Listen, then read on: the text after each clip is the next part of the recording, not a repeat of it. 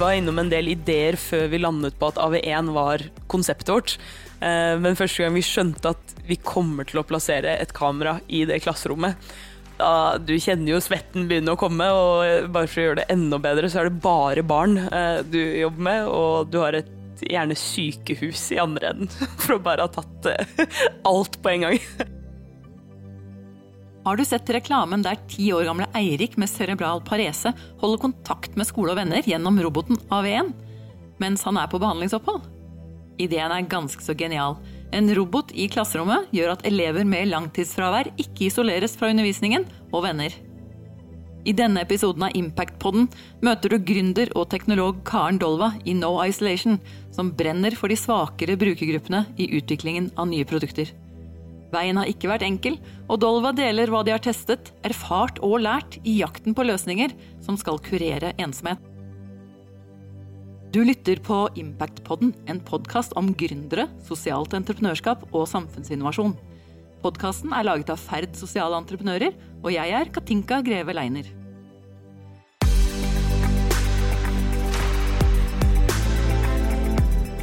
Velkommen til Ferd her på Lysaker, Karen Dolva i No Isolation. Tusen takk, Alinka. Veldig hyggelig å være her. Du, jeg tipper at en stor andel av det norske folk eh, har sett den TV-reklamen med den veldig søte roboten deres. Um, men i dag så gleder jeg meg til å høre litt mer om hvordan den ble til, og hva selskapet deres egentlig driver med. Er det liksom produksjon av roboter for skolebarn? Um, kan du starte med at du forteller litt om eh, selskapet og reisen din, Karen? Absolutt. Og ja, du har nok rett. De aller fleste har sett denne lille hvite roboten. Eh, færre forstår hva den gjør og hva den er. Eh, men vi, vi, heter jo No Isolation. Eh, vi skal være der for å gjøre inkludering lettere. Eh, bekjempe ensomhet, som du nevnte. Eh, og roboten er eh, bare et verktøy på veien. så ja, vi lager den, og vi er veldig glad i den. Men det begynte egentlig med de unge langtidssyke, som ja, en hvilken som helst diagnose, egentlig, som holder deg vekk fra skolen i eh, måneder eller år. Eh, typisk kreft, ME, eh, alvorlig skade i rygg eller nakke. Alt du kan tenke deg. Og vi, vi satte ut på et eventyr for å se om vi kunne lage noe for å gjøre livet lettere for dem. Og for å redusere risikoen for at de droppet ut av skolen. Det sekundet du får en sånn diagnose, så er du i høyrisikogruppa, og det syns vi ikke noe om. Og vi eh, Nei, vi var vel innom eh, Jeg vet ikke hvor mange ideer før det ble denne telepresence-roboten. Eh, så AV1 er jo Det er en avatar, akkurat som i et spill, som, som, barnet i sykesengen fjernstyrer. Så gjennom roboten så kan, kan, barnet se alt og høre alt og være med på alt vennene gjør, da. Både i klasserommet og utenfor. Og ja, nei, det er ganske Det er veldig spennende å se effekten av den. Ja, for det er jo en liten si, hvit tass, med et hode med en liten En byste liten, på en måte. Ja, byste, ja. Mm. Så den kan tas under armen og bæres eh, rundt? Det kan den. og Den er, eh, den er 4G, og den er Wifi. Det er egentlig en, eh, den fungerer på mange måter som en mobiltelefon.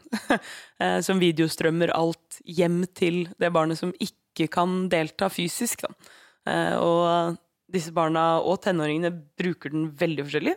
Vi har vi har immunsviktpasienter som er helt friske, men bare ikke får lov å gå ut av huset. Og de sitter plutselig på i syv-åtte timer i strekk eh, og lever et fullt liv gjennom den roboten.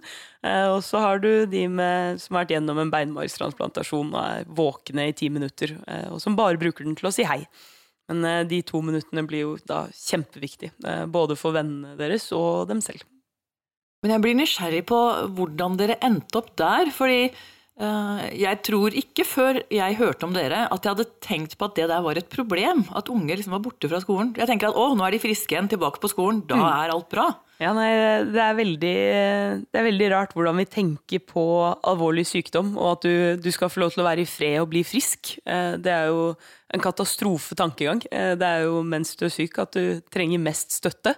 Eh, og du, du, er jo ikke noe mindre sosial eller en annen person fordi du er syk. Eh, du, du, burde jo få lov å være med på ting. Og den motivasjonen for å komme tilbake igjen da, eh, vil jo øke om du opplever å være en del av et miljø å komme tilbake til. Så nei, det begynte egentlig med en, en venninne av meg som hadde jobbet som sykepleier og var vikar faktisk på, på barneavdelingen på Rikshospitalet.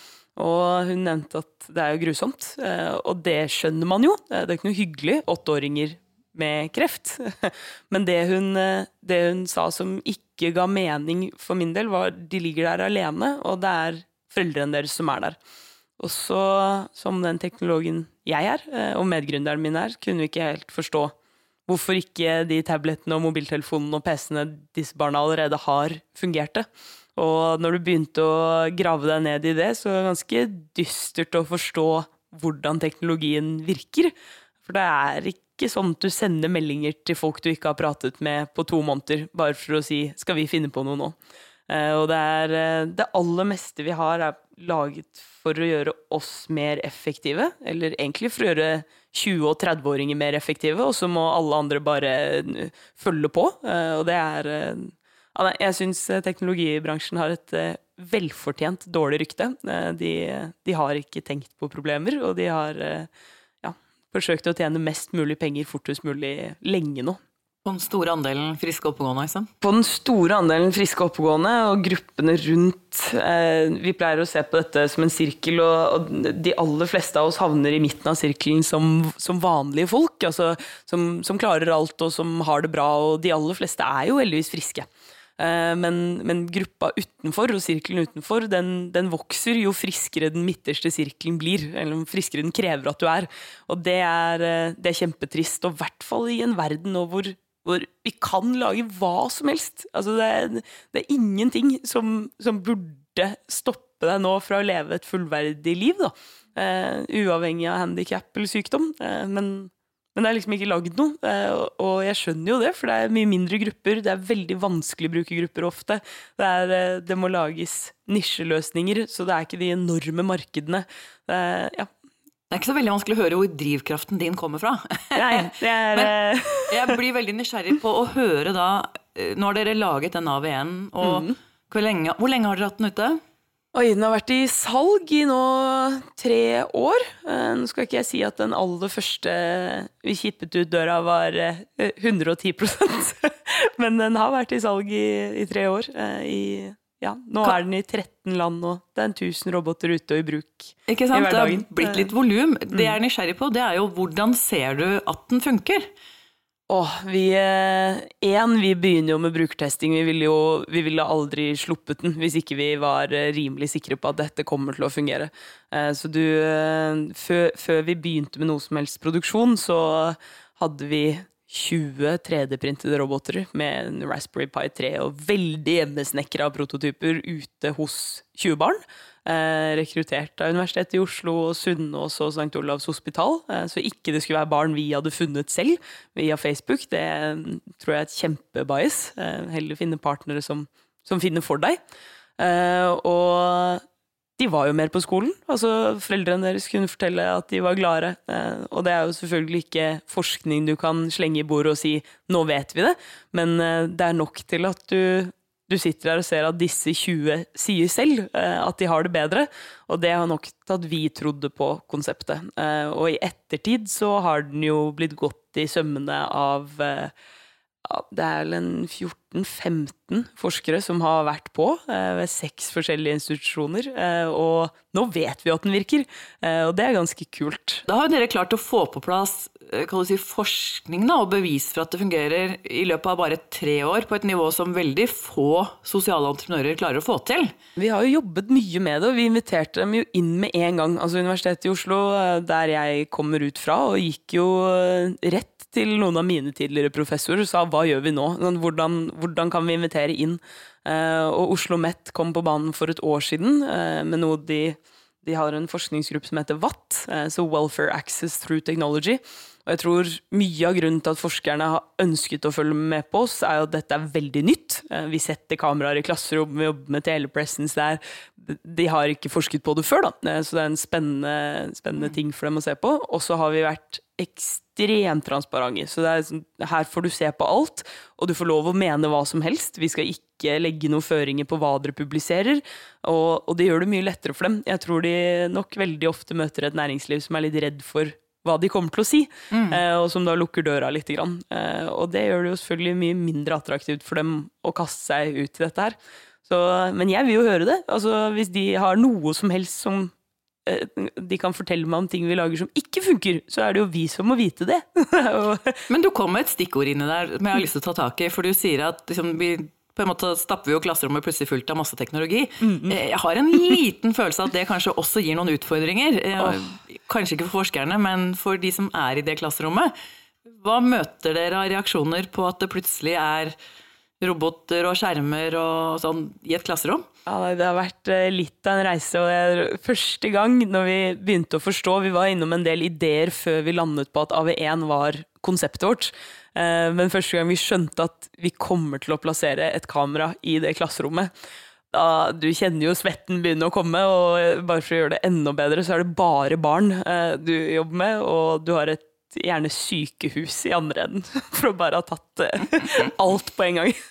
Og jeg ringte jo Datatilsynet eh, og lurte på om jeg kunne få komme. Eh, Dette her var i måned én. Vi hadde, jo, ja, vi hadde sikkert holdt på et par uker. Og de var kjempehyggelige eh, og åpnet døren og lot oss snakke med alle juristene de har, for å forstå hva er egentlig regelverket vi beveger oss inn i her. Hva er det vi må passe på? Hva er greit? Og det er jo veldig mye som er greit. Det aller meste går på lagring og tilgang av de strengeste reglene. Eh, Og så lenge vi passer på at det er kun barnet som skal være der, som har tilgang, og ingenting blir lagret noe sted, eh, så har vi egentlig kommet 90% av veien. Og så må du sette på masse andre tiltak, som at foreldre må akseptere brukervilkår selv. eh, Vi må informere på den og den måten. Det er et par sånn tweaks på toppen, eh, men eh, Datatilsynet var kjempehjelpsomme. eh, Og de har egentlig fått være med på hele reisen vår. Og så møter du fortsatt motstand. Altså et kanskje samlet samlet lærerverden som har blitt presset på veldig mye. eh, Og veldig mange av lærerne skjønner jo dette her med en gang og syns det er kjempefint. Så vi har gode lærerambassadører der ute. Og så er det andre som kanskje føler at teknologien har gått litt for fort og litt for langt. Eh, Og da igjen til en industri som, som fortjener litt tyn, da. Og som fortjener litt skepsis. Eh, Så jeg har veldig forståelse for at de måtte, vil ha svar på en del spørsmål før de plasserer ut roboter. Da. Eh, Så de prøver vi å svare på. Men hvor mange sa du at dere nå har rundt i Norge? Mm, Det er 360, kanskje 350 eller 370. Men eh, jeg, vi sier 360. Hvor mange barn er det der ute som i utgangspunktet er syke på denne måten? I Norge er det i hvert fall 6000, eh, og her er det også Vi har jo ikke Statped, nei, Statistisk sentralbyrå har jo ikke samledata på dette her, og det er kjempetrist. Eh, Så vi har, eh, vi har summert opp selv, basert på prevalens av sykdom. For på medisinsiden, der har du tall. Så vi har tatt de diagnosene som vi vet at holder deg borte i mer enn to måneder, og så har vi lagt sammen hvor mange er det som får den diagnosen her, som er under 18 eh, og over 5 hvert år. Mm. og da ender du på 6000. Eh, og det er nok eh, en del mørketall der. Og så er vi midt i et forskningsprosjekt med Statped nå, på å se kan roboten virke mot skolevegring. Og eh, hvis vi får noen tomler opp på det, eh, og noen retningslinjer på i hvilke tilfeller av skolevegring den eventuelt vil virke, så er det tallet i hvert fall doblet. Vi regner vel med at det er en 10 000 skolevegrere i Norge. Men det vil si, for nå blir jeg litt nysgjerrig, for da har dette tilbudet ligget der ute, og det, du sier jo egentlig at det er altså mer enn 5000 unger som holdes vekk fra skolen, og som ikke får dette tilbudet. Og da blir jo neste spørsmålet, hvem er det egentlig du går på? Hvem er markedet? Hvem er det som skal få sørge for at disse ungene her får de robotene? Hvem er det dere selger til? Det er et kjempegodt spørsmål, eh, og vi har solgt til eh, flere forskjellige. Eh, Vi har solgt til veldedigheter. Eh, Barncancerfondet i Sverige er en av største kundene våre, f.eks. Vi har solgt til eh, forsikring. Eh, Så hvis du har barneforsikring hos eh, Insidia, Sparebank1, så, så er dette en del av barneforsikringen. Eh, Og vi har solgt til enkeltskoler og kommuner og fylkeskommuner. Eh, og så sitter vi jo med regnestykkene som på en måte forklarer hva denne roboten gjør på sikt eh, for samfunnet. Og det, besparelsene kommer jo på statlig plan. Eh, hvis du ikke havner på trygd, men blir skattebetaler, så er det staten og fylkeskommunen som tjener på det. Eh, så det er klart den regningen burde tas der. Vi ser det er mye lettere å implementere og få altså, roboter opp og gå når det er kommunen eller fylkeskommunen som igangsetter. Mm. Eh, for vi må inn og prate med dem uansett. Eh, så selv om en veldedighet har gitt en robot til et barn, så må vi inn og prate med skole og kommune. For å få den på skolenettverket, for å passe på at alle er informert, for å passe på at dette er greit. da. Uh, ja, jeg vil tro at roboten nærmest kunne bo på en skole. At det stadig vekk er noen som absolutt, er syke. Absolutt, og det er, eh, det er, flere som gjør det. Uh, enda bedre eksempler er sånt som vi ser skje i Sverige nå, om og om igjen. Uh, med Malmö og Stockholm og Göteborg. De har alle gått over de siste to årene fra å ha noen enheter i test til å kjøpe inn flere og flere og flere. Stockholm er på 20 roboter nå, og sier selv og indikerer det kommer til å bli mye flere. Vi må bare ha systemer for å implementere, men, men, det ligger en tanke der om ok, dette gir mening, det fungerer, nå skal vi rulle ut. Eh, og så unnskylder de seg og sier at det tar tid, men de har i hvert fall en plan. Eh, og i Norge opplever vi vel egentlig ikke det, eh, selv om det er mye velvilje her òg. Eh, og i Bergen har de jo lyst ut anbud. Eh, det er første anbudet for eh, AV1, så kjempespennende. Og jeg, jeg, tror vi kommer til å se en mynt falle ned her om ikke så lenge, men Frem til det så er vi ute og prater med kommunene, og prater med lærerne, og prater med UDIR og KS. og eh, Jobber med denne informasjonen, så folk skal forstå hva det er. Eh, det er jo ikke bare en fantastisk ting som Telia kan bruke i en mobilreklame. Det er jo et verktøy for, eh, for barn som trenger det. Og vi har jo fått sett noen barn også gjennom nettopp de reklamene. Som, eh, ja, og han, sånn han i reklamen er jo Ja, men han i reklamen, Eirik, er jo et høyst ekte menneske. Eh, han er eh, Han var ti år da vi spilte inn og har cerebral parese og kan vanligvis gå på skolen. Men blir tatt ut over ti uker i året på behandlingssenter på Beitostølen. Og det er Altså For han å miste 10-12 uker hvert år eh, fra egen skolehverdag, det, det, er ikke hyggelig. Eh, og det er klart de dekker pensum der, men da kommer du tilbake til et klasserom som du har vært ute av. Og det, det er den vi løser. Det handler jo ikke om matte. Det handler om at du vet hva som skjer i klasserommet ditt. Du vet hvem som er kjæreste med hvem, og hvilke videoer du skal se, og du vet eh, hvilke lærere man ler av nå. Man, man, er en del av det. Eh, og det er derfor man dropper ut òg. Det ser vi jo i arbeidslivet også. Det, det handler jo ikke om, om, arbeidsoppgaver, det handler om miljø. Eh, mm. Og det er, eh, det er, så viktig å forstå, da. Men vi vet jo og kjenner fra andre sosialentreprenører også at det å selge inn mot det offentlige og, og slå igjennom da, kan vi si, inn mot det markedet, det er ganske komplekst. Ja. Men så vet jo jeg, da, når du beskriver nå denne roboten deres, AV1-en, så vet du at dere også har andre produkter. Det har vi. Dere forsøker å få ut der og gjøre noe med. Kan ikke du si litt om det nye produktet deres? Jo, eh, for eh, det er vel en to år siden nå, eh, så begynte vi å forske på seniorgruppen. Vi er jo nå Isolation, og vi vet at seniorene er de mest ensomme. En tredjedel av dem sier selv at de lever i ensomhet, og der vil jeg anta at det er igjen mye mørketall. Det å si at man er ensom, det er ikke lett. Eh, så det var helt klart en, en, jobb som kunne gjøres der. En mye mer kompleks gruppe enn de langtidssyke barna. Eh, for det var ikke altså Vi fant ikke den ene røde tråden i, eh, i seniorgruppen på samme måte. Barna skulle være på skolen, og de skulle være med vennene sine. Mens, mens i eldregruppa så er det demens, det er mobilitetsproblemer, det er syn- og hørselsproblemer, det er kanskje manglende nettverk. Eh, så det var en veldig annen gruppe. Eh, men vi, de to tingene vi fant, det var en, de som har en familie, de er umettelig på kontakt med den familien, og familien har gjerne ikke nok tid. Altså det er sånn, er en sånn vond eh, brist der, som alle i No Isolation kjente på selv òg. Altså vi har jo foreldre og besteforeldre. Og det var en generell teknologifrykt i gruppa. Og det er alltid noen som måte, har besteforeldre som klarer å bruke en iPad, men 75% av de over 75 er ikke på nett. Eh, det er EU-tall, så i Norge er vi litt bedre, men vi lever også lenger, så vi er, eh, vi er ikke egentlig bedre. Og jeg vet ikke, vi, vi, opplevde vel at her kunne vi gjøre noe. Altså, vi kan fjerne den teknologifrykten ved å introdusere noe som, som alltid virker. Og så kan vi gjøre det litt lettere for familien å følge opp i hverdagen, og gi besteforeldre en mye enklere måte å være del av det digitale verden. Og da havna dere på Komp. Da havnet vi på Komp, og det er et merkelig navn. AV1 kommer fra Avatar og The Visual, men Komp var, det var vrient. Og så er litt sånn for min del så spiller ikke navnet så veldig stor rolle, det er liksom hva de gjør. Eh, ender vi opp med å forklare navnet allikevel.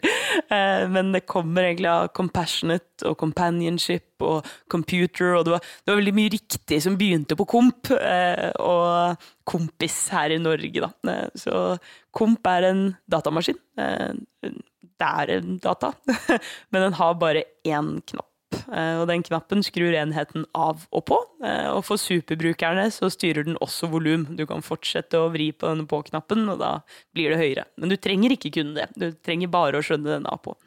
Og den egentlig fjernstyres den også av hele familien, som har en app på telefonen og er en del av en lukket familiegruppe koblet opp mot én komp, hvor de kan dele bilder og meldinger og videoringe inn. da.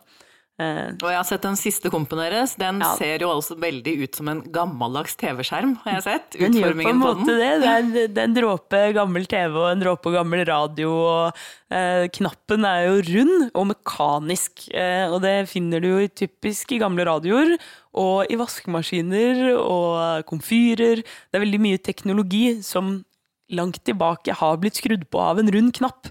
Og det, den der hukommelsesbiten du får der, i at dette er noe du har lært deg å gjøre, heller enn øh, forstått hvordan det fungerer, det er veldig nyttig når du ser på hukommelsestap-gruppa. Så ja, jeg er jo en av de som faktisk eh, elsker ny teknologi. Så at eh, hjemme hos oss så står jo faktisk en komp oppe i andre etasjen eh, hos min mor. Eh, fordi broren min bor et annet sted i landet. Riktig. Og jeg må jo si da at det har vært ganske stor moro å se hvordan de bildene kan rulle inn fra Molde-trakten og rett inn i stua hennes. Eh, det, det, er virkelig, det skaper verdi, altså. Det må jeg si. Det er bra. Det er godt du sier. og sånn... Eh vi, de første enhetene har vært ute i, i, snart to år. Da, for vi igjen ruller jo ut eh, prototyper og vi ruller ut beta-versjoner. Og vi skal få testet dette her, og vi, må, vi vil få inn data. Og vi vil gjerne vite hvordan ting funker. Eh, og få kritikk. Det er bra, det. Da, da blir ting bedre. Eh, men, eh, men Komp har vært en ganske spesiell reise, for folk har brukt den mer og mer. Eh, og vi har egentlig vi har veldig lite nudges inni der. Eh, veldig lite gamification. Det er, det er få ting av de, de app-reglene eh, som ligger bak det stickiness. Eh, og vi trodde vi kom til å måtte introdusere det. Altså at vi måtte introdusere mer notifications, at vi måtte introdusere ting som skjedde i appen for at folk skulle huske å besøke den. Men det har ikke trengtes i det hele tatt, og det er så kult å se, for folk sender altså mer og mer bilder jo lenger du har en komp. Og det er eh, sånn i snitt, da. Og det er, eh, det er kult. Ja. Det funker faktisk. Den funker faktisk, og jeg tror eh, Eh, nei, vi får jo tilbakemeldinger fra disse eldste som, som, plutselig sitter her og har vært med i brylluper de ikke kunne dra i, og nesten syns det er finere, for de har fått bilder fra alle i familien, så de har på en måte deltatt på vegne av veldig mange i disse bryllupene og blitt videoringt under seremoni, og det er eh, Nei, det er ganske, det er ganske magiske historier der òg, da. Det er gøy. Det er ganske krevende da, å ha brukergrupper sånn fra skolebarn på den ene siden til eldre på den andre siden. Ja, eh, det er gøy, da. Kan, det, er, jeg tenker, det er noen kamper på kammerset her, og, og, hvordan går det med selskapet deres? Det går bra, eh, men ja, det er mye kamper på kammerset. Og så tror jeg eh, det viktige for alle i No Isolation er jo denne ensomhet og inkluderingstråden.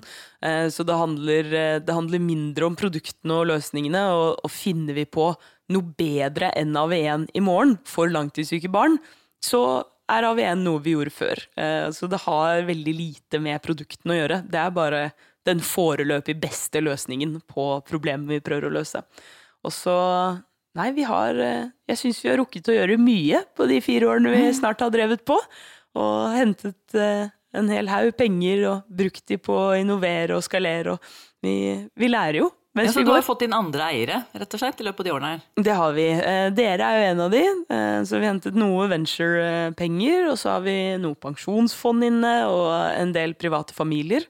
Og Nei, jeg syns jeg får god hjelp av eierne mine, for å være helt ærlig. Det, det fins jo folk der ute som har gjort dette før, og som uh, har prøvd en gang eller ti. Og det er, det er veldig behagelig å få litt dytt på veien, altså. Det er greit. Hvordan har det vært å være flere gründere?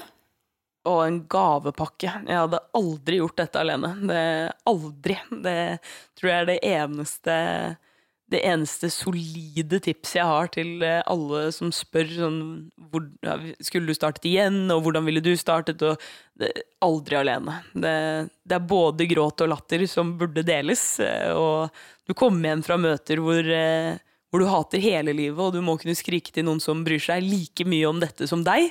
Eh, det er flott med familie som bryr seg, men eh, etter gang nummer 50 så er det litt sånn ja ja, hørte før. ja, men så bra. Jeg tenkte ja. nemlig at vi skulle runde av med, med, gode råd fra Karen til ja. Karen for fem år siden, eller noe. Eh. Hva ville du sagt? Og da hører jeg at første budet det er altså ikke gründe alene, eller ja. Ha noen der du kan hyle til. Yes, så Det ja. hadde jeg jo egentlig lært litt i Startup Lab fra før. Eh, råd to er jeg ville ikke vært eh, jeg ville ikke vært redd for å tenke stort og hente penger og, og prøve. Eh, for det, er man redd for å prøve, så tror jeg ikke man kommer noen vei. Det, da stopper det veldig fort. Eh, og så er det Nei, jeg vet ikke. Jeg tror magefølelse veldig ofte er riktig. Jeg tror man skal tørre å stole på seg selv og sin uh, intuisjon òg. Og tåle å ha gjort feil en gang eller to. Det er, lov å, det er lov å si 'shit, dette gikk ikke som jeg hadde tenkt'. Nå tar vi et skritt tilbake uh, for å gjøre oss klar for å ta fem skritt frem. Og det, det har funka mange ganger uh, for oss, iallfall. Og ja, jeg er, det kommer ikke til å være en rett reise uansett. Det blir aldri sånn som du har planlagt eller sett for deg. Det er det mm. ingen som klarer. Så det er det eneste du vet, er at den planen du har, kommer til å endre seg. Og det, det må man bare være mentalt forberedt på. Da. Og finn glede inni dette her. Passe på seg selv. Eh, vite at du jobber med noe du bryr deg om. Og ja, jeg tror det, det er det. Og så må folk lage sin egen reise. Ingen av oss er like. Så det, det blir tenk, forskjellig for alle. Jeg tenker at de kan lære en del av å snakke med folk som deg også, og andre gründere. Ja. For det er tydelig at her har du, du har noen læringer eh, i det du har vært gjennom. Men bare helt avslutningsvis, ja. ambisjonene nå de neste årene for Nova Isolation? Godt spørsmål. Eh, akkurat nå har vi beinfokus på Norden og Storbritannia. Eh, I Storbritannia skjer det masse spennende, men det er jo tregt der òg. Men eh, der har vi møtt et government som tenker veldig annerledes enn Norge. Så der har de jo kjøpt inn ja, 100 roboter nasjonalt, Department of Education, for å teste i hele landet. Mm. Eh, og det er, det er, noe annet enn én og én kommune i Norge. Som, eh, når eh, ja, en regjering for 60 millioner mennesker sier at eh, vi prøver, og vi skal se effekt, så vi må ha mange nok til å se den på ordentlig. Eh, så vi er midt i det toårige prosjektet der. Eh, får veldig gode sånn underveisresultater. Der ser de jo bl.a. på attendance, som er det skolene får penger for. Så skolene får ikke funding hvis ikke elevene deres er tilstrekkelig på skolen. Eh, og vi får jo attendance opp, så det er, det er veldig gøy.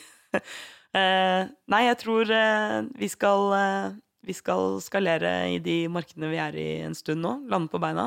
Og ja, hjelpe en hel haug folk. Så jeg håper det kommer masse gode, fine brukerhistorier ut av No Isolation.